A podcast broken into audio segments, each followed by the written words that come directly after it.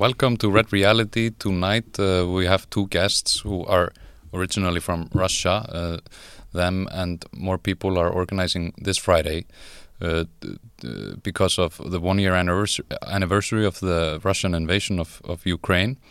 Uh, they're here with us, Andrei and Maria. Thank you guys for coming. Uh, this Friday, we're we're going to pressure the Russian uh, embassy to stop the war. Uh, are, are are there many of you here who are organizing this? Many Russians? Well, there are in general not many Russians living in Iceland. You know, Mhm. uh, there are only several hundreds of them, and un- unfortunately, not all of them participate in this kind of activity.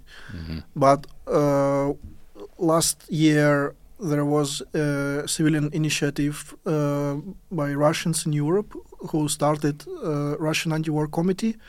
And uh, first it started in Central Europe, and then it just spread uh, all over the countries in Europe, uh, in all Scandinavian countries. And in April 2022, we started, uh, we opened Icelandic branch of it here in Iceland as well.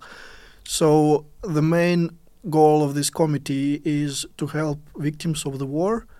Uh, the idea is first to help, uh, of course, Ukrainian refugees who come to Iceland, uh, also to help Ukrainians who are still in Ukraine uh, by providing them help.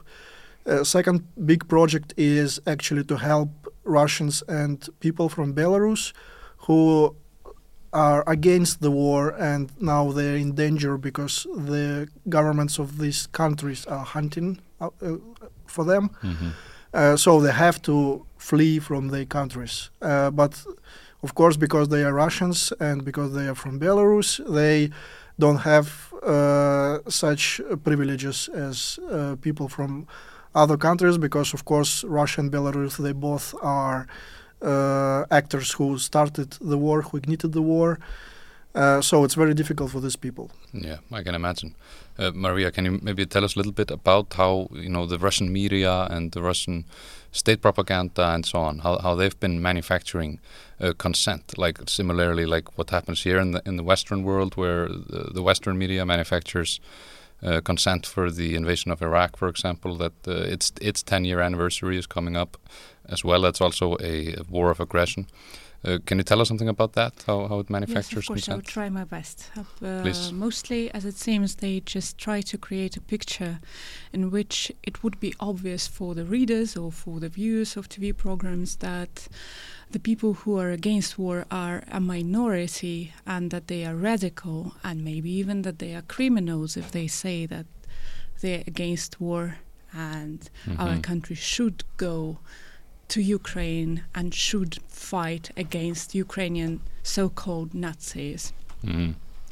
So it's just a false idea of being a minority, and people who have anti-war ideas or who don't like the government getting this information from the government and the media they start thinking that they are alone and they are afraid to express their opinions because obviously they are in danger if they try to share their views.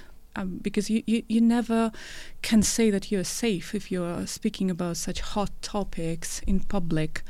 Even if you're just talking to a friend of your friend you never can be sure that this person will not leak the information to the government and will not disclose your true position. So it means that they all have to be uh, alone on their own in this Mhm. and they have to keep it inside. And this creates a situation when they can create false polls saying that the majority of people is supporting the president and supporting the governmental policy and Mhm. supporting the invasion obviously and of course th- those numbers are absolutely made up uh, the sad thing is that European community and Ukrainians as well they believe into the uh, they believe this data Yeah, some uh, people tend to like uh, not take it pretty seriously, which they, you know, shouldn't. I think you know Mm. it, it's not to be Yeah. trusted. But but you're telling us that you don't think the majority of Russians are buying into the state narrative. no I don't think so but that the ones who uh, disagree with the war they just have to keep a low profile because Yeah. otherwise Yeah. there could be serious consequences. Like I would say, I'm not an expert here, but I would say that like people who oppose war and would be active given the chance if we had that possibility, they would Mhm. make at least twenty percent. But if we t- look at other eighty percent, uh, those would be not all of them are active people who are supporting the invasion. Most of those 80% would be people who just agree with the government because of some other reasons and because maybe they are scared to express their opinions. Mhm. Some of them are just fooled by the propaganda so much that they basically they don't think on their own about the situation. They just follow um, the general idea, so to say. But like among those 80%, maybe there are about 15 or 30, I don't know how many um, percent of people who are really uh, went to this conclusion themselves, who are Mhm. not just following the government. Again, this might be a dangerous situation. I would like shortly add here that um, mostly when foreigners from outside Russia, when they uh, discuss why Russians do not stand against the war, they mostly do not understand the situation inside Russia. They uh, consider it with uh, their own situation from their countries, like European countries. They think like if there is a democracy, like uh, in Europe or like here in Iceland, and freedom of speech, and some people can just go and talk about the, about what they think. It's not like this in Russia. You cannot do this for many many years already, and people already got used to it. So it's uh, all came from the Soviet uh, era, when uh, state was uh, punishing those who tried to speak loudly. Uh, then there was like 10, 15 years of this freedom of speech after the USSR collapse. And then uh, Russian President Vladimir Putin, he started to build this system again. And uh, it, like, you know, all these seeds, they just were thrown in the same soil. So the older generation, they already knew what is what is all about. So they already they like they do not be like taught how to behave. So just they, they start to tell the children like, okay, we know everything about it. Just don't speak. Just Mhm. don't be loud. Just don't stand up. You know, and uh, it went through the through the decades. Mhm. Like now we live in 2023. It all started like maybe 20 years ago. So there are already several generations, you know, appeared through this period. Mhm. So why Russians do not uh, protest? Because first they were taught that they will be in danger, and second they are in danger. Yeah, it's not. It's something that's been learned because it's it's a real thing. But this has escalated now with the war. Like the uh, the, the government has closed down some media organizations, and some journalists have even been tried and, and put to prison. Well, Yeah, actually, yeah. as I see it, um, this is a mistake of perception as well, because Europeans only now start to look at Russia and to see what's going on there, what's Mm. wrong, why they don't protest. But it's just a different timeline, actually. So if we look at the year 2012, the Bolotnaya Square, when thousands of people went out to protest the Crimea annexation. Uh, I'm sorry, not Crimea annexation at that point. I'm sorry, but uh, Against uh, against, the, yeah, against yeah, the, the yeah, Putin against regime. the Putin regime, and uh, yeah, yeah, yeah, yeah, yeah. Mm. Uh, There but was a big wave then. a thousand people came out to protest then, and again, uh, when the Crimea was annexed, again, uh, a lot of people flooded the streets Yeah. and they were protesting very actively at that time. So then no one ever paid attention to what's going on in Russia. They, they, they just Yeah. continue to make deals with the Putin's regime. Yeah. Yeah, I'm, I'm talking face about governments of the They European arrested independent journalists. They killed Nemtsov. They Mhm. killed Politkovskaya a bit earlier.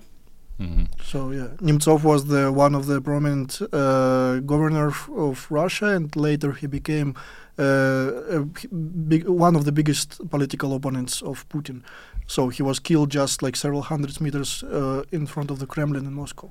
Wow. Okay. And Politkovskaya, she was uh, Anna Politkovskaya. She uh, was uh, one of the most famous uh, journalist investigators in Russia, uh, mostly writing about uh, this uh, armored conflict in Chechnya region in the south of Russia uh, during the 90s. And then she was killed in 2006 in the birthday of Putin. So Mhm. they consider Oh, it kind of oh, like uh, a Present. like a like a birthday present because Yeah. she was very annoying for the government because So of her for- articles. Yeah, for many years now, the, the, uh, journalists who aren't toeing the line or are like make cri- criticizing stuff that Putin yeah, really doesn't want to literally dozens of them. There's long list. There are dozens of journalists who were killed, and you know, like some uh, people uh, tell me, uh, well, uh, someone from maybe from other countries in Europe, they uh, t- telling me like, why don't uh, Russians uh, protest against like Putin regime and everything? Like, uh,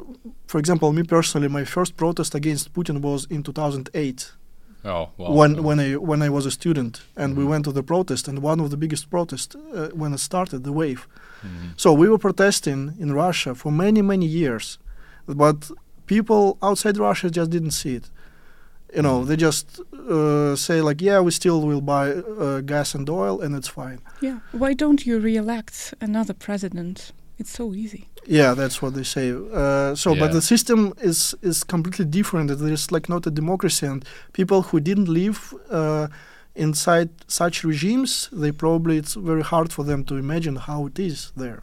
Yeah, I, I, in some with some people I've been talking about, they, they, you know, they don't seem to realize, you know, if you, if you protest the war publicly and so on, you're probably going to prison, you know. So, yeah, exactly. And uh, not not only you, but even your relatives can Really? have problems oh, there. Like, yeah, for example, uh, you probably you know your registration in some uh, apartments where you used to live with your parents, for example, but now you maybe went to another city, you know, for your study or work or whatever. Uh, you mhm. were arrested there because of the protests, but then police will go to search the house of your parents as well. And they do it pretty violently and uh, just, you know, turning everything upside down. And, know, tear and of place. course, for old people, uh, like it's a huge stress, you know, and they can have uh, health problems because of that. So it's a, uh, it's like if you go there, you need to understand that it will be huge problems for many, many people, not only for you Mhm. and also people who are going against government in Russia they are not protected by any laws like police can do anything with them. Uh, they can do anything with them on every stage of this uh, process like during the arrest in the police inside the police station inside the police car inside uh, the like you know per, um, temporary place before the court after the court in prison.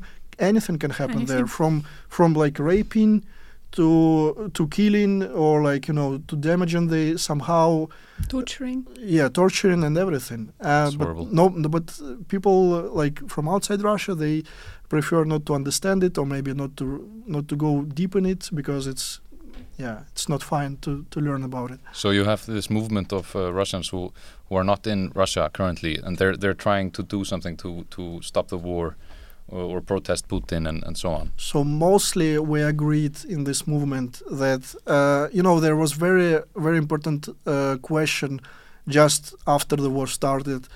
There are two questions: if it's common guilt and if it's a common responsibility. Mm. So uh, the uh, I, I prefer this idea uh, when uh, when we were like discussing it. We stated that okay, uh, the guilt is related to the amount of power a person ha- has. So the the- guilt of each individual Russian. yeah, for, the guilt. Yeah, the, Yeah. The, the guilt of the like starting the war. Mhm, starting the invasion. Yeah. Like President Putin has the almost absolute power in Russia. So Mhm. his guilt is the biggest one. Well, I have Russian passport, so my I also might have guilt, but I don't have that that much power neither to stop nor to start the war. You know, Mhm. so I have some kind of small piece of guilt, maybe like well, there are like about 142 millions of uh, of Russians uh, in Russia. Mhm. So like this one part of this from this 142 millions, this is my guilt. Yeah. But all Russians, of course, uh, as I understand, uh, we have responsibility to cope with uh, with with the war, to help Ukrainians, to help them to rebuild uh, the country when the war will over. To pay reparations. Yeah, and in in many ways, in Mm. many ways, with Mm. our own hands, with our money, with some our future profits from selling resources, and so on and so on. It can be like a long list of it. Yeah. So we have we have responsibilities, but I don't think that I'm personally uh, that my guilt is that big in this in No, this think so particular story. I, I don't think so either. Like especially when when this has been escalating, like people have been trying to protest and get Putin out and get something else going, but uh, the police state has been uh, hardening its claws and, and making making it harder. So so I think maybe sh- you know you should feel a little shame for, for what your country is, is doing, but it's it's not your pr- uh, responsibility, especially if people have tried uh, already. But uh, can you tell me, like, who is Putin working for fundamentally? Do you think, like, what kind of society is Russia today? How has it changed since the invasion? Do you think? I I can say very briefly that Mhm. Uh, well, as we know, uh, Mr. Putin is a former KGB agent, and as any uh, person from that uh, police system, he uh, adopted this very uh, simple structure of a society. Like, uh, imagine a prison. In prison, you have some prisoners, or who can be some of them guilty in some crimes, some of them not because of the mistake by the court, but doesn't matter. So they are prisoners. Then there are some uh, gu- uh, guards who, you know, kind of don't let them go outside the prison. Control them. Mhm. Yeah. Then there is some kind of administration of the prison which organize the whole work. So this is the structure of the modern Russia, according to Mr. Putin.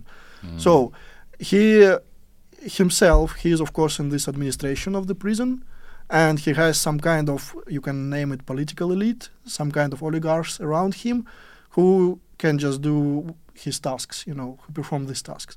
Then there is a huge uh, system of these policemen, and I mean there is a different branches of this system, and it was it was uh, like extended a lot during the last 20 years. We have so many, like you know, new branches, new organizations, new positions, uh, new uh, criminal uh, articles, uh, like about everything, and and then there is this population which need to be controlled, and inside this population. Uh, okay, I'm not going to dive there very deeply, but uh, it's kind of crash course for you in the into into the Russian prison culture. So there is uh, different positions in this inside this society which which are prisoners because they also they have like uh, some hierarchy there. There are some top guys who are maybe like close to the administration or close to the guards. They have the best food, best uh, place to to sleep, and then there is the lowest of them which have no rights at all Mm. and Mm. uh, they can some, anything can be done with them.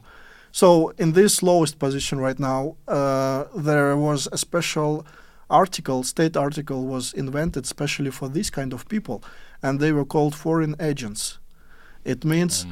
uh, it means that these people are somehow um, they were affected by the foreign influence, mostly by the U.S. Because of course, for Putin, his main enemy is always a, a common West, you know, Mhm. the U.S. in the at the head of this. So these foreign agents, they are cannot be trusted because they already proved that they are against the government, and usually in modern Russia, it's the most prominent politicians, opposition politicians, uh, scientists, journalists, uh, some you know leaders of opinion, like bloggers. It can be even like comics, like a stand-up comics. It doesn't matter. So these are the foreign agents, and they're the most like the lowest part according to Putin, like the the, the lowest part of the society. And then the majority of the population they're somewhere between. You know, Mm. they're just common mass. Mhm. And uh, for him, uh, the biggest, uh, uh, like his, like biggest nightmare maybe if these prison guards will will turn against him.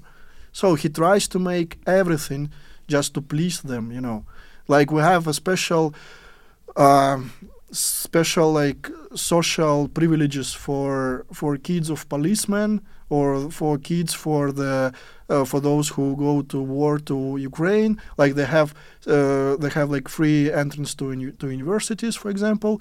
They have uh, many additional like not salary but you know some uh, benefits and so on and so on. There's a long list of this. So uh, the state doing everything so these uh, prison guards they will be pleased and they Mhm. will not turn against the government. Mhm. So and this again, is like this is when the the protest is going on, they get about five thousand rubles, which is about ten thousand Icelandic kronas for every person arrested. Really? Oh. Yeah, because they they uh, press charges to a person about like um, thirty thousand Icelandic kronas, Mhm. and then the person pays uh, it, and it is divided into three parts. One part goes to finance the army, one part goes to the government, and one part goes to the policeman who arrested the person. Mm. Yeah, it's similar to So, what uh, A nice happened. game, catch as much as you can. Yeah, like like the uh, so uh, policies that uh, are seen in the United States sometimes also where you uh, incentivize police officers to to make arrests and so on. Uh, but Maria, would you would you say that uh, which interests are you know you have this police state, but which interests are is the government serving? Oh, that's Uh, a I know it's a tough question, but, what, question. but what, what would you think? Yeah, I would think that mainly Putin is focused on maintaining the power at any price. Mhm. It's just a drug for him. And of course, he is like concerned about his children well-being, I guess. And he created a net, a close net of people who he supports since the 90s or even earlier, which were some kind of his friends or maybe acquaintances who proved loyalty to him. And so he's basically protecting this small amount of people Mm. who benefit from the regime. Mhm. And of course, all the policemen and all the people who have force right now, they benefit from this malfunctioning system because they know that it is really corrupt and they can do whatever they wish. And basically, they just know how it works. It's so easy when you know whom to give the bribe, whom to say a kind word, whom to ask to do something. So uh, lots and lots of people they just like the system as it is and they are not interested in making it a different way Mhm. uh, what else? Would you say it's an oligarchy? Like uh, it's not just oligarchy. I think it's uh, mainly people yeah well people who hold resources but also the military.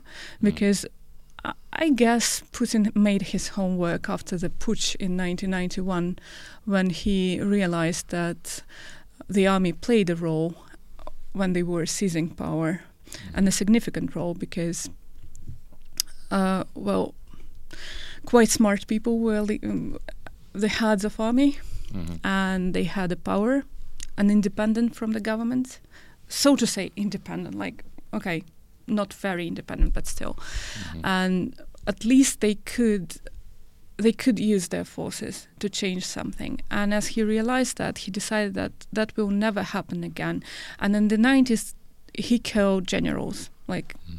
He made some plane crashes Mhm. some accidents whatever happened like general lebedev was a very bright person he was actually against war the general against war Yeah. yeah yeah But uh, so so he was removed. Or yeah, like, he was removed very Mhm. quickly. Uh, and I just think that, yeah, he just decided that he doesn't want uh, to have any bright heads in the army, any people who would think independently, any people who would be bra- brave enough to be in opposition to his opinions. Mhm. So Really? he, he just removed them. Yeah. Yeah, like the main criteria how Vladimir Putin uh, gathered his government is now it's not even, you know, that person would be uh, clever a lot or be a professional, but it's just the only criteria is to be loyal, and Oh, this yeah. this is the main thing. Mm. And it was going like this, as I said, during the decades. So uh, now we have uh, in many positions we have some people who are uh, actually cannot perform their duties, but they are loyal to the government, and Mm. it's enough for them. That has taken that has become the most important thing for Yeah, him. and the thing is, uh, if we just step back for a second uh, to my metaphor about the prison, the main idea there that these laws, which were written uh, in the, these recent decades, they applied only to these so-called prisoners. So Mhm. these policemen and like this administration oligarchs, they are like outside these laws. So these people, they can do like, for example, policemen, they can torture people, they can rape them, they can beat them. They will not be punished for that. so they're all- protected from above. yeah. So and policemen knew about it because if if they would know, if they would not be sure that they can do this without any punishment, they then they will maybe will stop to do this. You know. hmm So this is the main thing. I find it interesting that you're saying though, like like 20 years ago when the invasion of Iraq happened, which is also another illegal invasion. Uh, people got riled up in the states, like they were really buying into the uh, propaganda and the narrative, and really tooting their horn and waving the flags. You know, but but you're saying that this has not been uh, the case in Russia as much, or people aren't exactly buying it. So do you mean like if what what would happen if Russians will gather together with the flags and like? Uh, Yeah, I'm thinking like the spirit after after after the invasion. Like, were were Russians really uh, uh, many of them, like, uh, totally buying the narrative and going, we have to go and we have to invade the Ukraine. You know, the, uh, No, no. And as you can see, uh, when they annexed some new territories, uh, there w- was no such a rejoice among Russians. I mean, not stage rejoice, because Mhm. there was a show in the central square near Kremlin when people were shouting and gladly congratulating each other with the annexed territories. But it wasn't real, it was just a staging. Uh, but we can't see any public reaction to the territories that they gained or to the territories that they lost. Because Mhm. when they lost some newly gained Ukrainian territories, there was no public outcry like, how could you? We just gained it at such a price. We lost a lot of people. What happened? Mhm. Nothing like that. It's just indifference. Yeah, and then th- maybe you know orchestrated and and uh, shows, you know, where where uh, maybe the uh, people are brought in to to make it appear like people are very happy about what's happening and so on. Yeah. Uh, so so the, the I want to talk a little bit before we close about the consequences of the war. Like, uh, of course, we have terrible things happening in Ukraine itself. Uh, a, lot of people. This is the biggest refugee crisis in Europe since uh, World War II. Uh, do you think the Russian economy is tanking right now? First of all, and and how do you think the Ukrainians are faring that that are moving to other countries? First, maybe about Russian economy. Uh, yeah. So about Russian, if yeah, you want to it was something. basically it was Okay. gas and oil based Mm-hmm. economy. Russia never produced any goods. like we always bought them from abroad, even carrots. Mm.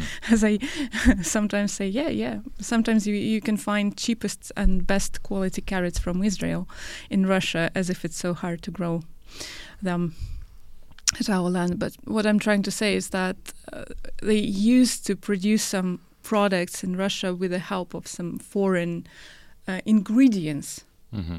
So right now, when there are sanctions, it is impossible to produce some elementary things like sausages, or sour cream, or uh, some food for babies, whatever, Mm-hmm. hygienic products, medicine. It's all suffering a lot. So uh, there are problems in every single segment of Russian economy, and so if we if we speak about Russian economy, it never was strong. It was a legend that it is strong because they bought and they resold, Yeah. bought and resold. Yeah. It is nothing uh, like production based. They Mhm. they didn't produce things; they bought it. Uh, So people are suffering. So uh, basically, uh, the rise of Russian economy was caused by oil prices and gas prices, Mm-hmm. and right now, of course, it is declining. I remember at the start of the war, uh, Sergei Lavrov said that the Russian people are strong. This is Lavrov. He said the Russian people are strong, and they can bear the burden of the war. Oh, Do yeah. you agree with this sentiment? Uh, yeah, sure. actually, I agree with him. Yes, because uh, Russian people they used to live in, during the Soviet uh, years when uh, the amount of food was uh, very poor, and in general, all the services, the whole economy was military based and military oriented. Uh, if we if we discuss the Russian economy, how it was damaged by the war or by the sanctions, for example, uh, it's definitely not that not that big damage as probably some European countries expected. Mm-hmm. Uh, first of all, sanctions uh, perform like they affecting the Russian economy very slow. We saw that uh, 20 uh, last year it was uh, finished even with a little growth of the Russian economy, several percentage. We can expect that by the end of this year there will be some small decline, but we know that, for example, Russian state they found uh, new customers uh, in uh, other countries for gas and oil. But they're selling it very cheap. Not that cheap, actually. The difference in price uh, less than ten percent. And uh, the even in Europe, when uh, where some countries agreed to to uh, like set the upper limit for the uh, oil and gas prices. Uh, for example, the last time they put it uh, as much as $100 for oil, which is actually fine price for Russia even before the war. Mm-hmm. So it's actually it's not that big effect. Of course, there will be a long uh, period effect on the economy, but you we probably uh, can see it only like in, in like many many years. Yeah, it's just inertia, you know. Yeah, of course, it of course. Too heavy. But I don't I don't agree that fast. But mm-hmm. yeah, that's true. But I don't I don't agree it helps a lot to stop a war. Yeah. In, in in Ukraine because obviously uh, people in Ukraine they need to stop the like they need this assistance assistance much faster than the sanctions work. Yeah. And mm-hmm. if we if we look on the example of the Iran, which is under sanctions for like how many 20 years at least yeah even more. even even more yeah they well the state is still there even with some like you know protests and everything uh, it's still there it's still a like it was not overthrown or something they even they uh, like the latest example was they even still uh, buying some foreign planes mm-hmm. like airbus you know just basically stealing them through some fake companies in different countries and yet so uh, even iran can survive it and of course russia now is under much more uh, serious sanctions than iran is uh, i don't think it will uh, like throw uh, the whole economy down to like in in this year or maybe even like in three years. But mm. as I see it, the government will benefit from it because the, if the economy is not strong enough, I mean, long term, when the war ends, they will benefit from it because uh, when the economy is not strong enough, the people are hungry, the people are not very active, they are trying to survive, they are not thinking about politics, they are thinking about survival. Mm-hmm. So that's that's one of the things I thought was yeah. really like uh, appalling about what Lavrov said, because he, he was saying like they the people can bear the burden, but but he is not going to be bearing no, the no, burden. No, of course not. Super privileged. Well, it's enough food for for many people actually in Russia yet. But uh, the thing is that uh, Putin he kind of set a trap for himself before the war because during the decades he was working a lot on making this uh, population mass like unresponsive to his political actions.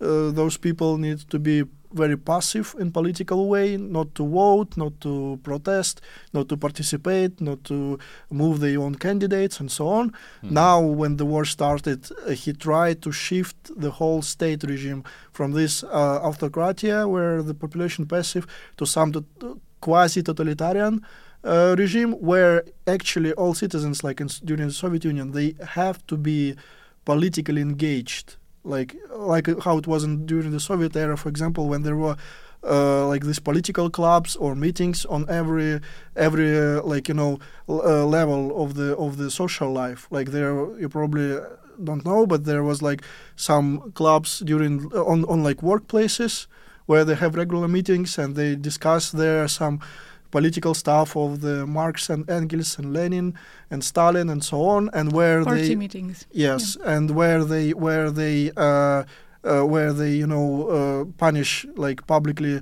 uh, well with words uh, those who are trying to stand like not like not behaving according to the to the codex of the behavior of the of the perfect Soviet citizen you know something like. You that could get excluded from the party. yeah and without actually even in Soviet Union it was a common uh, practice that without uh, being a member of political party of the main political party you your career path or your study path uh, will be much more difficult. So you have to be politically engaged during the Soviet era even if it's just not like nominal but you still have to state it. It should be pronounced. Mhm. now now in modern Russia it was like you have to be passive. They, that w- what they taught during the 20 years and now immediately at 24th February 2022 you need to be you turned like from the you know to to another person You need to I be see. politically active, but only the way the government Of course, wants you to of be course. politically active. but it's and like, now like they're different trying to raise uh, a different generation, training kids to assemble Kalashnikovs, to yeah hold them in hands. I mean, there are pictures in media showing like kindergarten children are holding patrons and guns. Mm. or they are taught trying, to trying to that- foster to do this that. like military culture. yeah yeah. or or at least at least to draw this Z symbol everywhere Mhm. or like you know make figures of this that symbol uh, c- consisted from children you know Mhm. or like Yeah. even in schools or everywhere so like there is a this requirement from the state to russian people to be engaged now and actively support the war Mhm. which many of people like millions hundreds of millions well not uh, you know what i mean uh, dozens of millions they are not ready to do this Yeah, yeah. Oh, I want to get in, in on uh, about the Ukrainian refugees yes because we have this labor dispute in Iceland right now with Efling. Uh, Mhm. Yeah, and there are many Ukrainians working at Efling. And I, I, I just want, kind of want to call out some of the politicians and, and powerful people here in Iceland who say they support Ukraine and they support Ukrainians, but they don't want to pay Ukrainians a living wage. Uh, that's not okay, and they should do something better, pay up, you know. Yeah Uh, but of course it's a businessman who pays salary and not Yeah. politicians themselves so Yeah, it can be like different people but uh, Uh, the I- I- people out there, you know, they're But not I agree all with you waving that- the flags and, and Yeah, but I agree with you that all, signaling all, all employees need to be paid uh, properly. a living wage. yeah, yeah.